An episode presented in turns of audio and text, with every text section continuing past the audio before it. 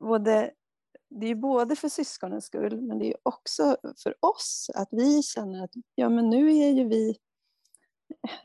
Alltså vi börjar känna oss liksom redo att släppa det här liksom omsorgsansvaret som vi, som vi ändå har haft i så många år. Eh, och, och, att faktiskt Agnes ska få liksom vara en vuxen person som har lever sitt eget liv och där vi träffas på, på liksom jämlika villkor och fikar.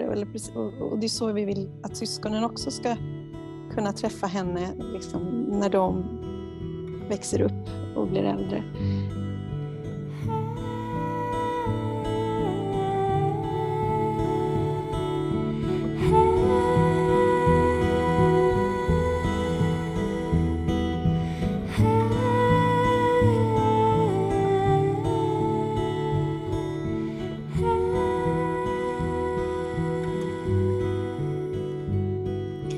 Det andra poddavsnittet som vi kallar Att prata om framtiden. Och det är en del i Nationellt kompetenscentrum anhörigas arbete utifrån inspirationsmaterialet Planera framtiden redan idag.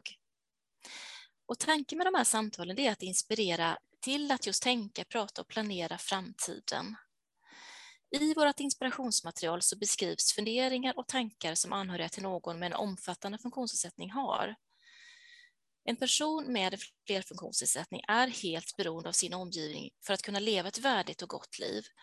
Och när beroendet är så totalt så innebär det att människor som finns runt omkring som stöd behöver känna till varandra och samarbeta. Men det gör sig inte av sig självt. Och första steget är att börja prata.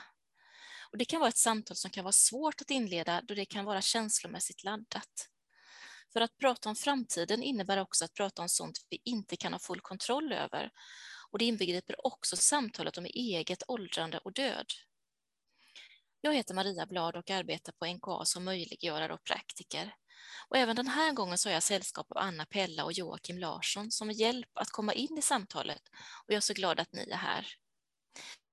Ni är också mycket involverade i skriften Planera framtiden redan idag. Anna, du är den som har intervjuat alla anhöriga experter och skrivit reportagen och deras berättelser. Och Joakim, du berättar om dig och din familj i materialet. Så varmt välkomna. Tack så mycket. Tack så mycket. Förra gången så pratade vi om eh, samtalet i familjen, hur det kan se ut under barndomen och när man är liten och hur det ser ut för syskon, syskonen. Och idag ska vi växla över lite till vuxenlivet. Men först får ni gärna börja och presentera er lite själva, tänker jag. Vill du börja, Anna, och berätta lite om dig själv? Ja, absolut. Ehm, jag heter Anna Pella och jag är mamma till tre döttrar som idag är 13, 16 och 18 år. Eh, min äldsta dotter Agnes föddes med en svår hjärnskada som ledde till en flerfunktionsnedsättning och hon har haft personlig assistans sedan hon var sex månader gammal, dygnet runt.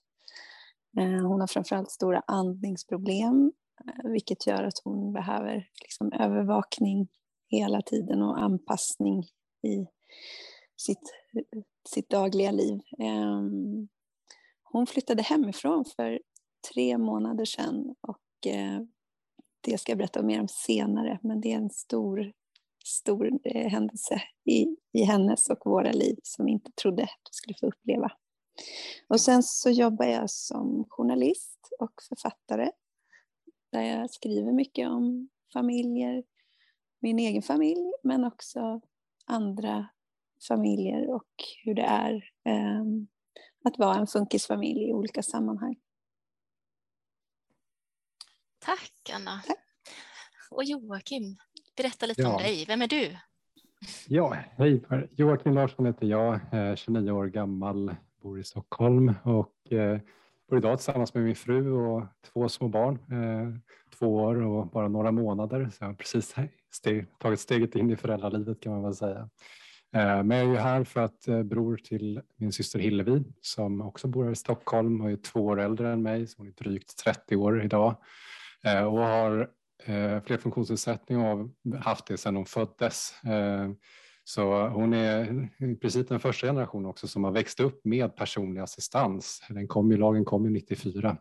Så, så hon har personlig assistans dygnet runt och, och jag har själv även varit både personlig assistent till henne sedan min 18-årsdag, men jag har även varit inne och varit eh, arbetsledare, personlig arbetsledare i hennes assistans, vilket jag inte är idag, för idag jobbar jag framför allt som webbutvecklare och men inom branschen tillgänglighet. Så vi sitter mycket och granskar olika sajter, hemsidor och ser till att de blir tillgängliga och eh, att fler kan komma åt informationen.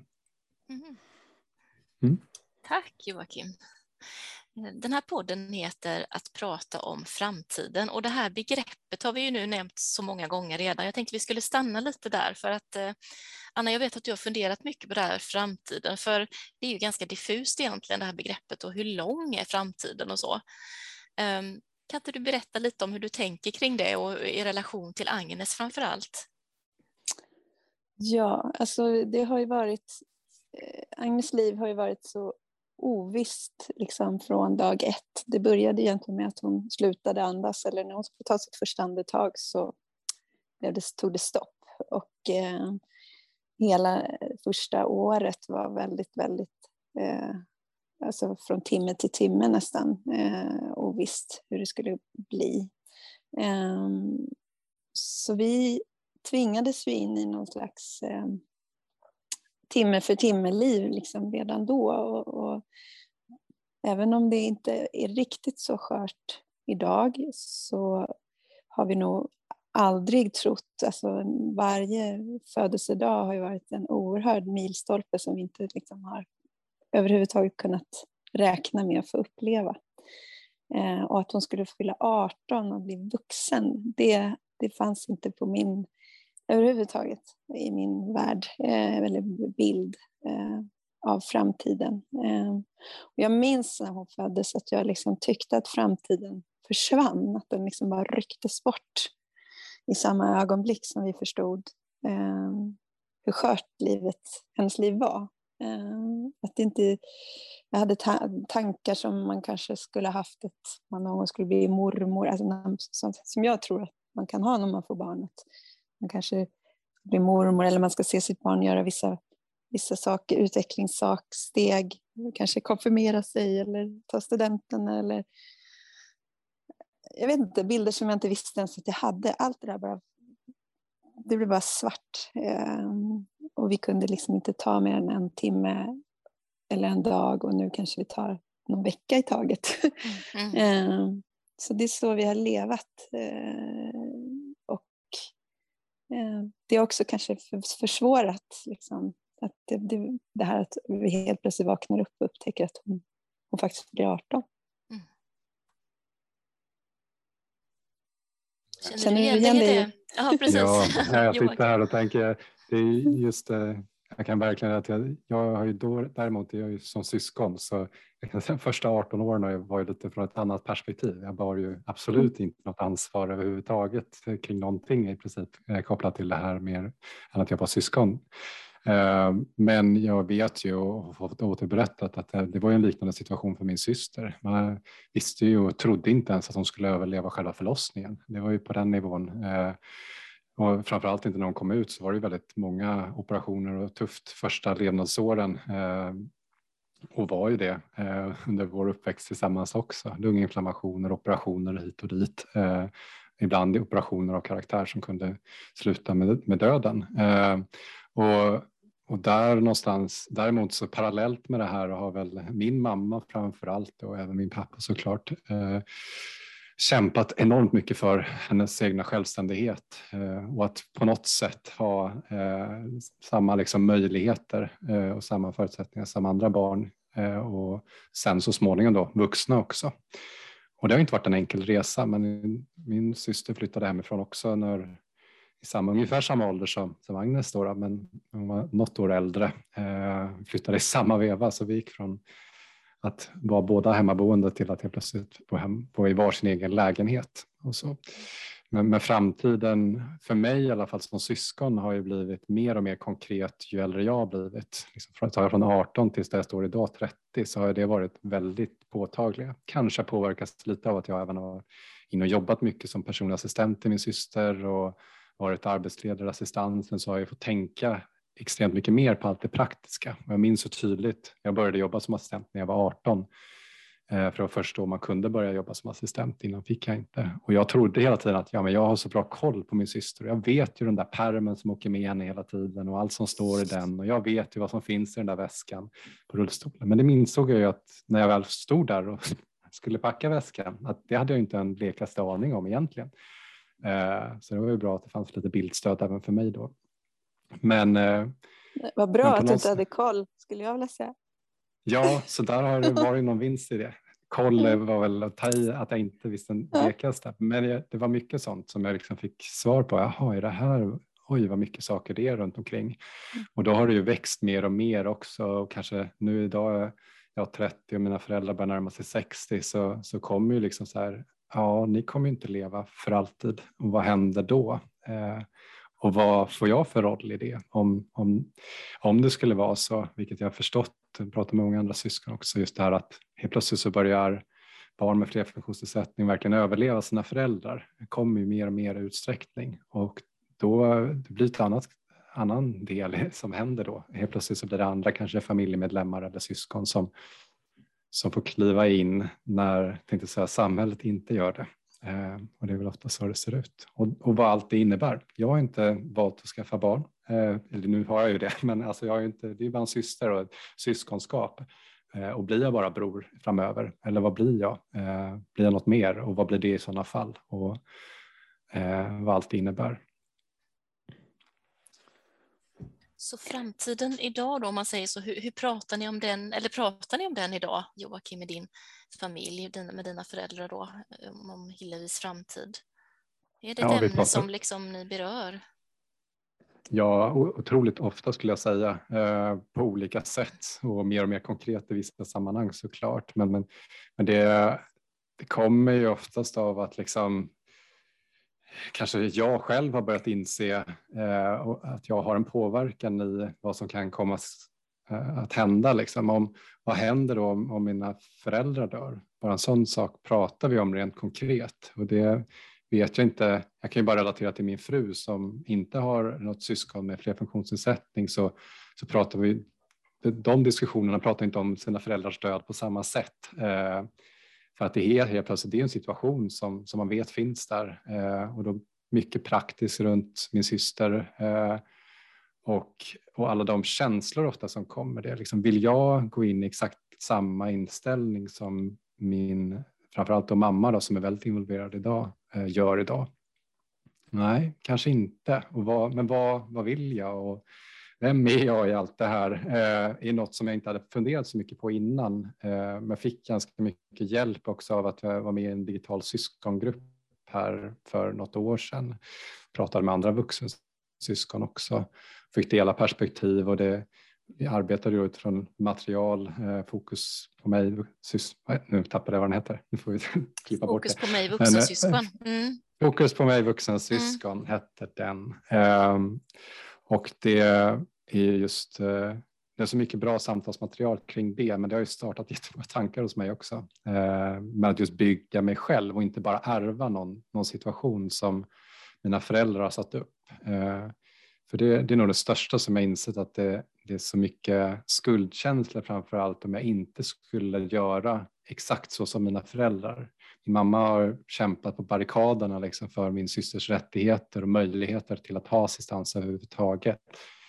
Eh, och kämpat för egen bostad och kämpa, liksom springer över om det är någonting och se till att min syster alltid har det bra och etc. etc, etc. Men vad händer om jag inte kan göra allt det där? Var, så jag har på något sätt börjat trycka på med att men nu får du banne mig börja föregå med gott med det exemplet eller liksom som jag på något sätt vill ärva. Så trycka på och att hon då också ska visa hur kan man hantera assistans på ett annat sätt? Och hur kan man assistera att vara en, en fin eh, betydelsefull anhörig utan att du själv går under. För det är väl det som oftast blir konsekvensen konsekvenserna ibland, att man är otroligt trött. För jag har en egen familj också att ta hand om. Jag har två små barn och jag räcker inte till till allt heller hela tiden. Mm. Ja. Det är som att syskonet liksom ärver föräldrarnas ohälsa också och utmattning och eh, ja, bara rakt av. Ja Det, ja, åh. precis. Och jag, det är ju så tydligt verkligen att det, om man inte, jag vet vi nämnde det tidigare, men just börja prata om det här och vikten av att prata om det här. Om man inte gör det så är det just det som händer, tror jag. Eh, mm. Nu har inte jag mm. upplevt det än, men att du bara får mm. i knät en situation mm. som är någonting som har byggts upp under så otroligt lång tid, där du också själv mm. alltid varit ett syskon och sett det här från, liksom, det kan vara ett 40-årigt arv av mm. beslut och prioriteringar som du då bara står där med och ska på något sätt, om du gör något annorlunda, det är då jag tror det kan skapa väldigt mycket skuldkänsla framförallt. Det är det jag har börjat inse hos mig själv. Att om jag skulle gå en annan väg, vad kan det här innebära? Mm. Eh, ja. Alltså tänker jag, du Anna? Jag, nej men jag tänker också det att liksom nu, nu är ju Agnes syster tonåringar så det här är liksom inte en tid när man har några djupa samtal överhuvudtaget. Så att liksom det här att man har sått det här fröet innan tror jag eh, det är min lärdom. Ehm, jag vet inte om jag har lyckats men att man ändå har liksom adresserat att det kan ehm, så. Och sen så för att jag tror att en del kanske vuxna syskon vaknar upp liksom och att det har gått som du säger, att man liksom bara sitter där med det här färdiga paketet liksom, i, och har inte hunnit överhuvudtaget ta ställning till det. Um, och det kan ju också vara syskon som har, har inte valt din väg utan som kanske har liksom verkligen flytt till andra sidan jorden för, för att de har bara känt så starkt att de klarar inte av att vara i det här. Liksom. Men, men också kanske omedvetet. Så jag tänker att har man, liksom, har man pratat om det så har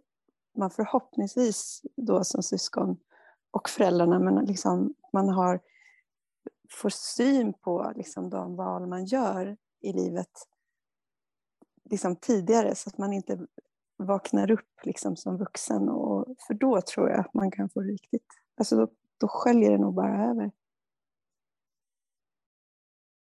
Och jag, jag tänkte fråga dig Joakim, har du eh, dina nya insikter om man säger så, har du liksom förmedlat det till dina föräldrar nu i vuxen ålder?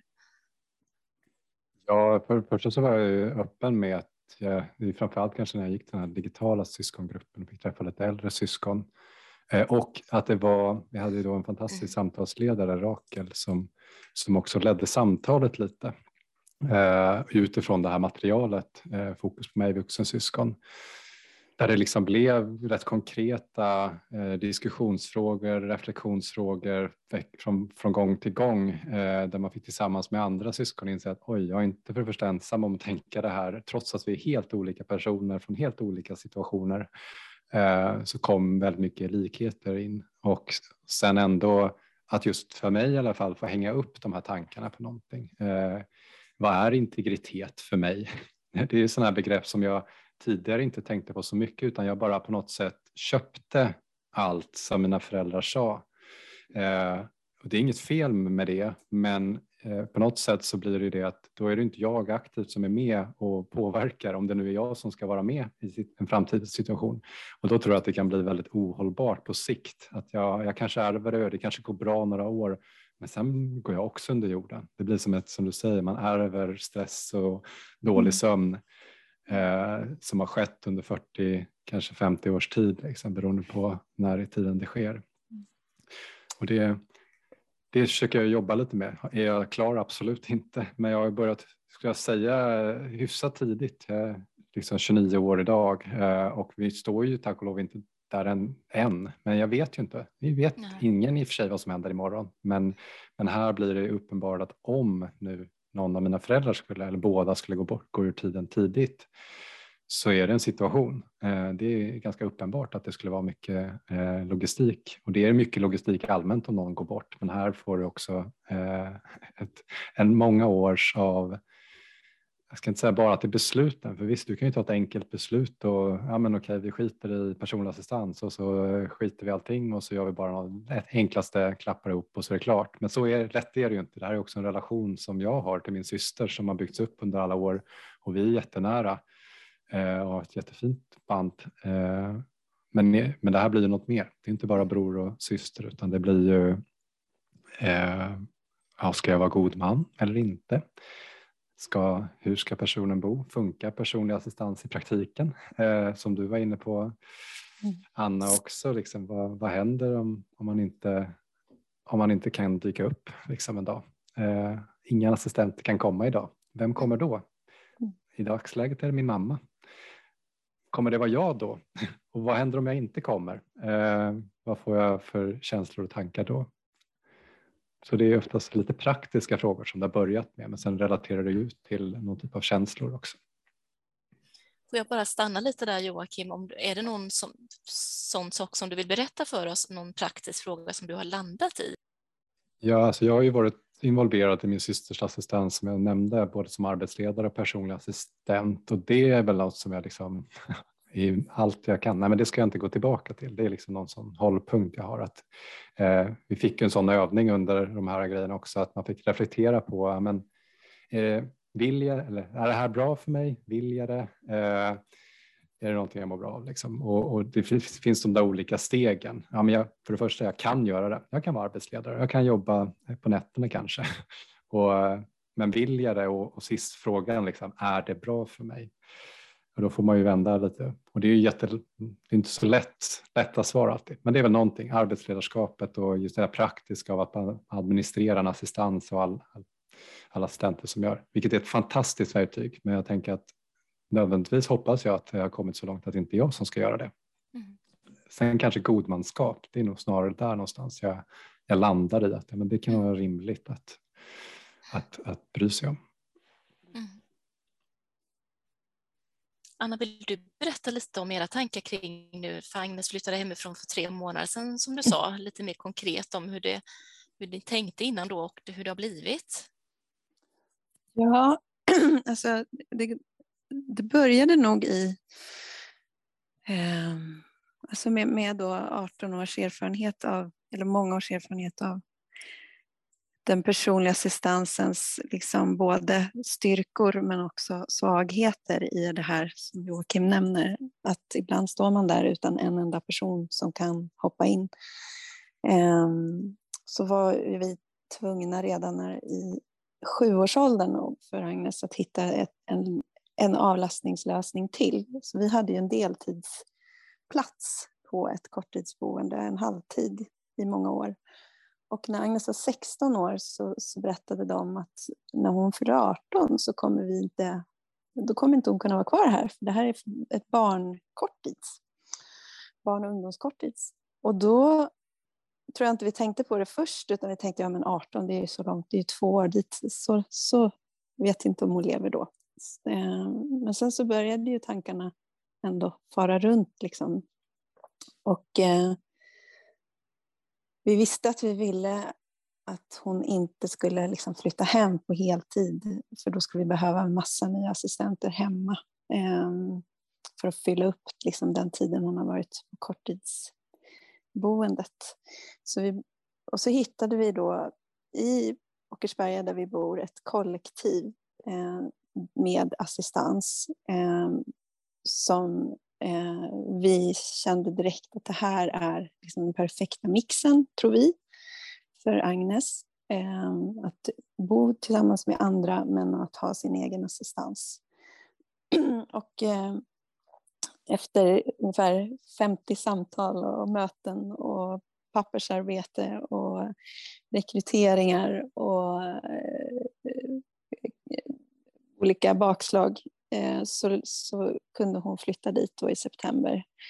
Ehm, och redan nu så känns det i kroppen alltså att det är en jättestor sten som har släppt. Ehm, vi är absolut inte hemma liksom, på något sätt och jag vet som sagt inte när Joakim berättar om vi någonsin kommer liksom ha den här perfekta lösningen. Men, men både det är både för syskonens skull men det är också för oss att vi känner att ja, men nu är ju vi... Alltså vi börjar känna oss liksom redo att släppa det här liksom omsorgsansvaret som vi, som vi ändå har haft i så många år. Eh, och, och, att faktiskt Agnes ska få liksom vara en vuxen person som har lever sitt eget liv och där vi träffas på, på liksom jämlika villkor och fikar. Och det är så vi vill att syskonen också ska kunna träffa henne liksom, när de växer upp och blir äldre. Um, så att vi, vi vill också slippa. Alltså, och därför så har vi liksom, tror jag att vi ganska tänker så här att nu medan vi fortfarande då är hyfsat pigga och, och inte har fyllt 50, att vi, liksom ska, vi ska försöka hit, ska jobba stenhårt nu några år för att så mycket som möjligt ska falla på plats. Och det första steget har ju varit att ha en extern arbetsledare, alltså en assistent som är, tar det här arbetsledaransvaret, som är det här dagliga praktiska. Um, och sen har vi, är vi gode män, men jag tänker att på sikt så ska kanske, kanske någon assistent också kunna ta det i så fall, om det skulle behövas. Um, men den, den, stora skillnaden nu, för när hon hade sitt, den här halvtidsplatsen under alla år, då visste vi att när hon var där så kunde vi på ett helt annat sätt släppa det här bemanningsansvaret, liksom att vi alltid skulle vara till hands. Um, och jag vet att när hon fick den platsen där så tänkte jag att nu gör det inget om jag blir påkörd när jag går ut härifrån och dör, för att nu finns det personer, det finns en organisation, liksom. det finns en chef, det finns en personalstab, det finns vikarier, allting är liksom uppsatt, de har alla dokument. Eh, det gör, jag kan liksom, det kan hända något med mig nu och det var en lättnad. Mm. Nu är vi tillbaka i att det går inte, vi, kan, vi får inte dö. Liksom. För att då rasar det här som vi försöker bygga upp. Vad var det som Så fick dig att vända? Vad menar du? Ja, vad var det som fick dig att vända tillbaka till att, att ni känner så? Nej, men att nu, jag tänker att det är skillnaden på, på organisationerna. Att när, det, när vi har 100% personlig assistans som vi har nu så är det vi som är ytterst. Liksom, eh, även om vi har en arbetsledare så är det vi som företräder Agnes. Eh, och som måste åka dit om ingen assistent eller arbetsledaren kan hoppa in. Men när hon hade sin korttidsplats så hade de, de hade väl 50 vikarier och det var kanske inte alls alltid optimalt att det kom in någon som inte kände Agnes så bra om, om de ordinarie var sjuka, men det fanns en, en annan stabilitet i det. Och det var det som gjorde att jag kände då att jag kunde att, att det skulle lösa sig för henne, även om jag försvann. Um, och nu, men nu är vi ja, men vi ska göra allt vi kan för att liksom bygga upp det här, för vi vill att syskonen ska vara syskon och inte ärva det här som vi har, eh, som vi, vi har fått. Och, och... Intressant bara ett ord du nämner där om, om vad den perfekta lösningen är.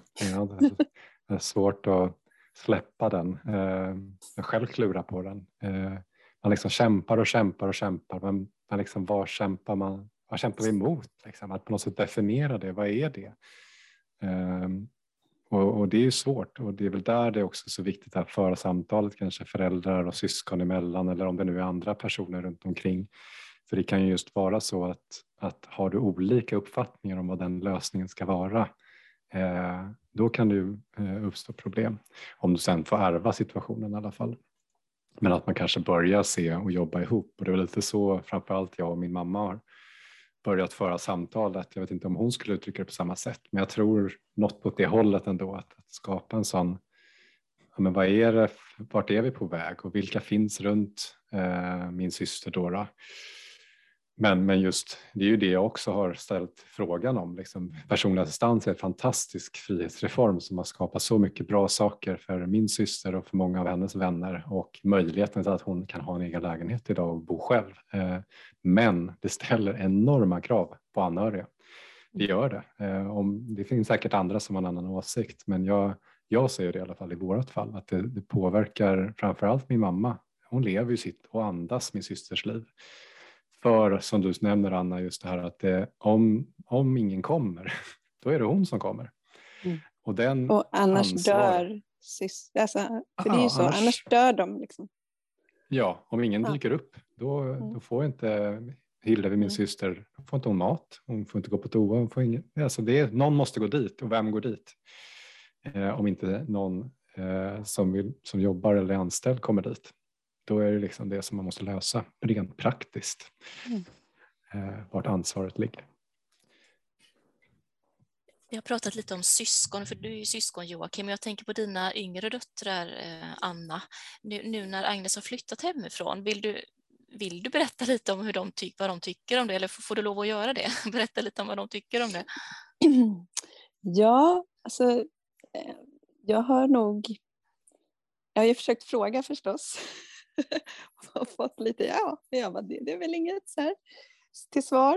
Ehm, men det som jag har tycker mig märka som är positivt det är att, och det tror jag hänger väldigt mycket väl ihop med att vi har liksom vi slappnar av, jag och Agnes pappa, på ett helt annat sätt nu när vi inte har folk som kommer och knackar på var åttonde timme i vårt hem. Ehm, vi har börjat bygga upp en integritet som inte har funnits i vårt hem under alla år. Ehm, och vi har liksom börjat eh, vara, jag tror i alla fall i mitt fall, mer liksom närvarande. Jag sitter inte och tänker på om nästa assistent kommer komma idag eller inte eftersom hon var förkyld i förrgår eller om vi ska ta natten själva och behöver boka av tusen saker imorgon. Alltså, jag tror att vi föräldrar mår så mycket bättre nu och jag tror att det har liksom gynnat systrarna. Ehm, de det är väl ungefär, sen, sen i och med att hon har då under de senaste tio åren varit borta nästan på halvtid så, så, så är, har vi ju levt som parallella liv under de här åren eh, där det har varit liksom veckan när Agnes är hemma och veckan när Agnes inte är hemma. Och nu har det varit ganska många veckor då när Agnes eh, inte har varit hemma men det har också varit perioder när de här assist nya assistenterna har, har varit sjuka och Agnes har faktiskt kommit hem ganska mycket. Så det, det, är liksom, det är lite tidigt liksom att se vad, vad, vad känslan är. Men, men, men jag får känslan av att de tänker att, att eh, alltså inte känner någon oro för framtiden utan att vi, i alla fall det de känner till liksom, kring eh, det praktiska, att, att de märker att vi försöker lösa det. Liksom. eh, redan nu. Men det är klart att det kommer komma, eh, komma upp. Vi kommer behöva prata mycket, mycket mer. Eh, så är det. Att prata är ju, jag, jag tänkte bara tillföra där också just vad vi kanske inte pratade om för några år sedan men vad vi börjar prata mer om nu och det är ju att, att som föräldraperspektivet också bjuda in till, till samtalet på ett sätt som gör att, att man pratar om, om framtiden och inte bara bestämmer hur framtiden ska vara utan ser vad har syskonen för lösningar och tankar och hur själva ser de på den situationen. Det kan ju vara ett svårt samtal. Jag vet inte, jag har ingen tips på exakt vart vi började men samtalet har funnits där och finns där fortfarande och det finns ingen lösning. Eh, det är det som är det svåra. För, för det första så vet man ju aldrig vad som händer. Det är oftast om vi pratar om olika scenarion. Liksom. Det kan ju lika gärna vara så att min syster går bort också för hon har ju många omfattande svårigheter. Och då är det också en situation, men att börja bygga upp även föräldrarnas eh, liksom, liv lite. Det är ju så att eh, man har levt under min mammas fall då, 30 år under ständig sånt, liksom, koll och ansvar och, och konstant. Liksom. Eh, liksom när är det tid att, att få lite vila också? Eh, kanske när man blir 60, jag vet inte. Mm. Mm. Jag har en suck, Anna. Det, ja. ja. ja. Mm. Men det är ju så, det är, det är svårt alltså. Det, hade vi haft en lösning och, och sen så är det ju så också att alla familjer, det är olika konstellationer och eh, de ser ut på olika sätt även där, liksom tänker jag. Eh, I ert fall så har ni flera syskon och mm. eh, både du och Anders eh, tillsammans fortfarande. I mitt fall så är mina föräldrar skilda och kanske har redan haft två olika inställningar till hur situationen ska lösas. Eh, Mm. Bara en sån sak, men var ska min syster bo när hon var vuxen? Så vet jag att min, min pappa pratade om gruppbostad till exempel och, och tänkte åt det hållet medan min mamma förespråkade assistans. Och så blir det liksom de här olika lösningarna med, med välvilja och för det bästa och för allas bästa. Liksom. Men, men att på något sätt inte tappa bort sig själv. Eh, alltså, mm starkt liksom, koppling. Det är som om, stör, om flygplanet störtar så är det ju uppmaningen liksom från kabin, kabinpersonalen är ju alltid sätt på syrgasmasken först innan du hjälper någon annan. Och det är ju lite det som jag kanske gör misstaget ibland där att det, tänker inte på det. Det är svårt när det blir så komplexa problem att, eh, att du bara liksom, du hoppar in i en situation utan att tänka överhuvudtaget på vad du själv går in med för inställningar. Och nu pratar jag framförallt från syskonperspektivet. Mm och jag tror lite det var så jag hoppade in i assistansen när jag blev 18. Jag tänkte inte på vad det innebar på lång sikt att jag skulle jobba som assistent och fortfarande stå som anställd. Det gör jag liksom idag. Eh, så det är fortfarande en person man kan ringa om, om det blir ett covidutbrott till exempel i assistansen så är det mig man ringer.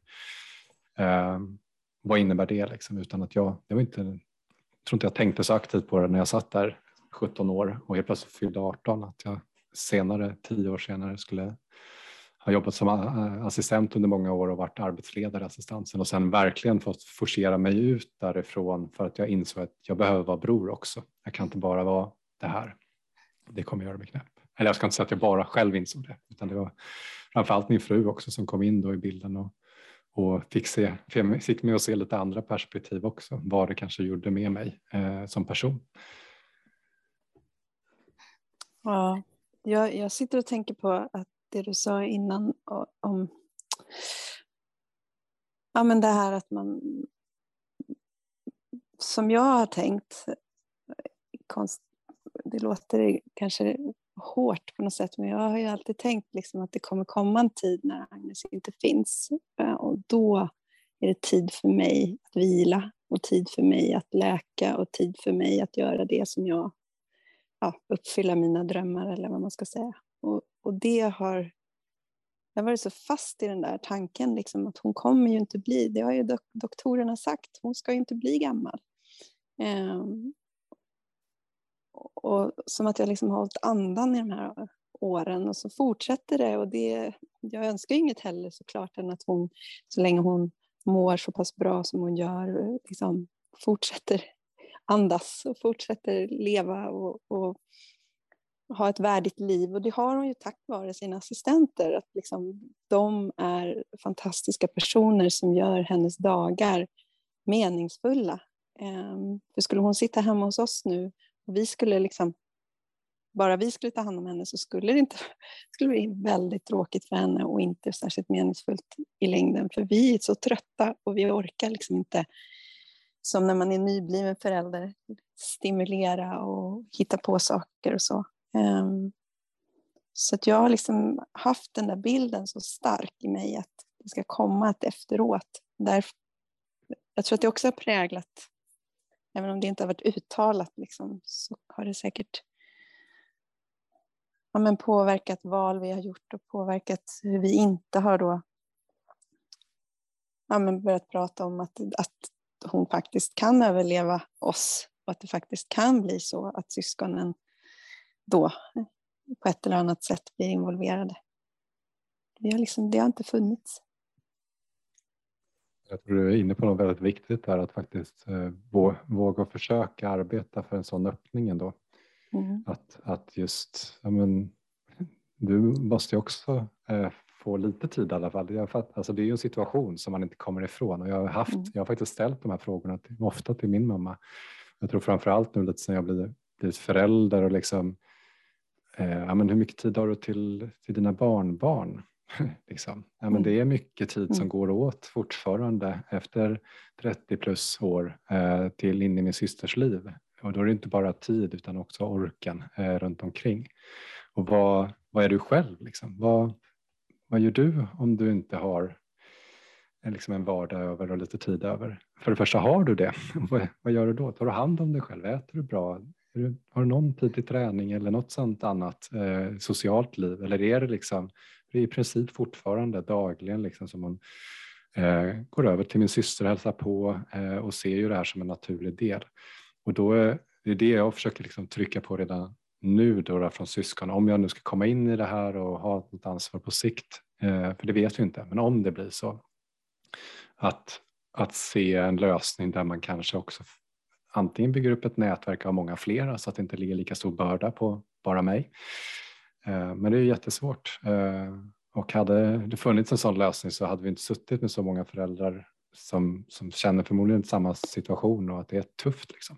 Och det jag vill komma till var bara i min mammas svar oftast till det är ju att eh, ja, men vad, hur, alltså, hur skulle jag just leva med om jag inte gjorde de här sakerna och inte kämpade och jag gjorde verkligen allt jag kunde för att det skulle bli bra. Eh, att leva då med, det kommer en, kanske en vikarie eller något som inte, som inte behandlar min syster på ett bra sätt utan hon kanske missköt, det missköts på något sätt eller någonting.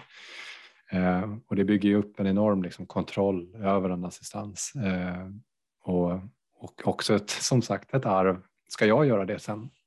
Och jag vet redan nu att mm. svaret är nej, jag kommer inte orka det. Och då måste jag börja utkristallisera mm. vad det skulle kunna vara. Tänker du har varit inne lite på detta Joakim nu, för jag tänkte att vi skulle börja runda av det här avsnittet och då jag tänkte fråga er om um, ja, vad ska man säga, era råd eller tankar till andra familjer men också till professionella som ju man möter väldigt många av, av olika slag när man är en, en familj där det finns en person med funktionsnedsättning. Så har ni något sånt där, förutom det ni redan har sagt, tänker jag, något särskilt viktigt att förmedla till, till andra familjer och professionella? Jag börjar eller? Jag börjar Anna. Du, Anna. Mm.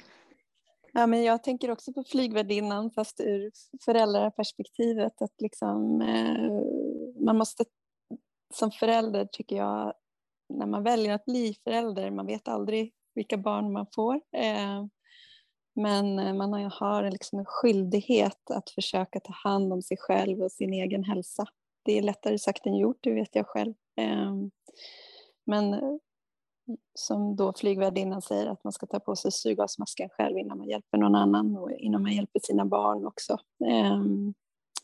Så ta emot, våga, att våga ta emot hjälp när man känner att man inte orkar, för man orkar inte. Och då, när det gäller de professionella så handlar det om att, att idag är det så mycket fokus, det är väldigt mycket fokus på Agnes liksom, och det är fantastiskt vad mycket hjälp man kan få i det här landet faktiskt. Även om man får kämpa för vissa insatser då, men, men i vården och så där tänker jag så får, har vi fått otroligt mycket hjälp. Men det är ju fokus på henne och det är väldigt sällan vi får frågan hur vi mår och vad vi behöver som föräldrar. Och det, så där tänker jag att om professionen också såg de anhöriga och inte, ibland känner man ju att man också blir motarbetad för att man eh, ut, ut, de utgår från att man är en jobbig funkismorsa. Och det är man ju, men man behöver få känna att man har stöd och samarbetar kring det här som är så oerhört komplext. Och när du säger Joakim, 30, Hillevi, din syster, 30 år drygt och ni har kämpat fortfarande med att hitta den perfekta lösningen. Agnes är 18 och, vi, och jag hoppas ju att den ska finnas inom kort. Liksom, för att om det här hade varit något annan organisations företagslösning, då hade man ju liksom omorganiserat för länge sedan. Man, väntar, man gör ju inte samma misstag om och om igen liksom, när man försöker bygga upp en stabil verksamhet. Så om man tänker på det från det hållet så måste det ju finnas fler insatser, fler stödsystem liksom, kring om nu personlig assistans ska vara grunden liksom, i det här. För att det ska inte hänga på att anhöriga föräldrar och sen syskon ska liksom vara de som ska finnas till hands eh, dygnet runt under hela den här personens liv. Det är omöjligt. Ja, jag kan ju bara fylla i och instämma i det, liksom att fokus ett så tror jag att man har en väldigt stor vinst av att göra och lägga lite mer resurser på föräldrar, eh, ställa frågan hur de mår eh, och och visa på möjligheter också. Eh, jag, jag, tror ju där är det svårigheten att säga, det handlar inte bara om att säga men vadå, gå ifrån då, ta lite egen tid, hur svårt kan det vara? ja, då gäller det ju att det finns insatser som gör att, att man som förälder vågar och, och, känner trygghet i att släppa in det ansvaret. För tro mig, min mamma har försökt. Hon har testat externa arbetsledare, hon har testat olika insatser, hon fixar en egen lägenhet med mycket kämpande liksom och så där, försöker trycka ifrån och göra min syster självständig. Men det är ju det att vad händer då när den här externa arbetsledaren slutar? Vem ska fixa en ny som förstår min syster på samma sätt och lika bra och lika ingående? Det är ju där som är utmaningen och då faller det ju oftast på ett, ett föräldraransvar fortfarande eller någon annan anhörig. Så fortsätt också kombinera den eh, liksom medvetenheten av att föräldrar behöver det här men också med de ins, liksom mer insatser eh, som gör att, att det blir mer stabilt. Om det kallas personlig assistans i framtiden spelar ingen roll för mig men, men det håller inte när, assist, när makten på något sätt ligger till att om en assistent eller en arbetsledare väljer att sluta en dag då är det liksom kört. För den, den som drabbas är alltid eh, min syster i slutet av dagen eller min mamma. Eh, och det, där har man ju mycket att både hitta nya lösningar på det eh, och och också prioritera det här framöver tänker jag. Det ju, går ju snarare åt det andra hållet. Om vi är ute på barrikaderna, har varit i EU-parlamentet och stått utanför och liksom träffat parlamentariker och försöker verkligen på politisk nivå ändra. Men, men det måste ju till en, en medveten om att det här är ett så otroligt viktigt yrke. Det behövs fler eh, och inte att det avväxlas, vilket jag snarare får känslan av. Eh, personlig åsikt. Tack och för dem. Till, ja, ja, var det något mer Joakim? Nej, jag skulle bara tillägga till syskon så är det bara de här ja. digitala syskongrupperna som har varit helt fantastiska att få den möjligheten och kanske marknadsföra det lite mer eh, i tidigt skede. Jag skulle säga framför allt 20 till 30-åringar som jag har varit i. Eh, det där har man mycket att vinna på syskon som kanske börjar ha någon relation till det. Om, det kan betyda att man inte kommer göra någonting i framtiden, men att i alla fall bara prata om det någon gång och se ja, men då har jag något förhållningssätt till det och pusha ut det till syskon den dagen man blir 18. Mm. Tack för de här medskicken och tack för samtalet Anna Pella och Joakim Larsson och att ni så modigt berättar om vad ni tänker och funderar på. Och, och, ni som lyssnar, eh, om ni vill läsa mer om de här frågorna så gå gärna in på anhöriga.se planera framtiden där ni kan ladda ner det här inspirationsmaterialet eller beställa det hem. Och eftersom du nämnde det Joakim så vill jag också berätta om att NK erbjuder digitala samtalsgrupper för vuxensyskon. Och det finns också på vår hemsida. Om man vill vara med i en sån så går det alldeles utmärkt att anmäla sig till det. Så tack så mycket för det här och eh, så säger vi hej då för idag. Hej då! Jättemycket, hej då! Om du vill ta del av fler poddavsnitt om anhörigstöd och anhörigskap så hittar du NKA-podden där poddar finns. Och du kan också lyssna från NKAs hemsida. Jag som har lett det här samtalet heter Maria Blad och den här podden är producerad av Paul Svensson. Musiken är skriven och framförd av Eva Lindsjö Lindell.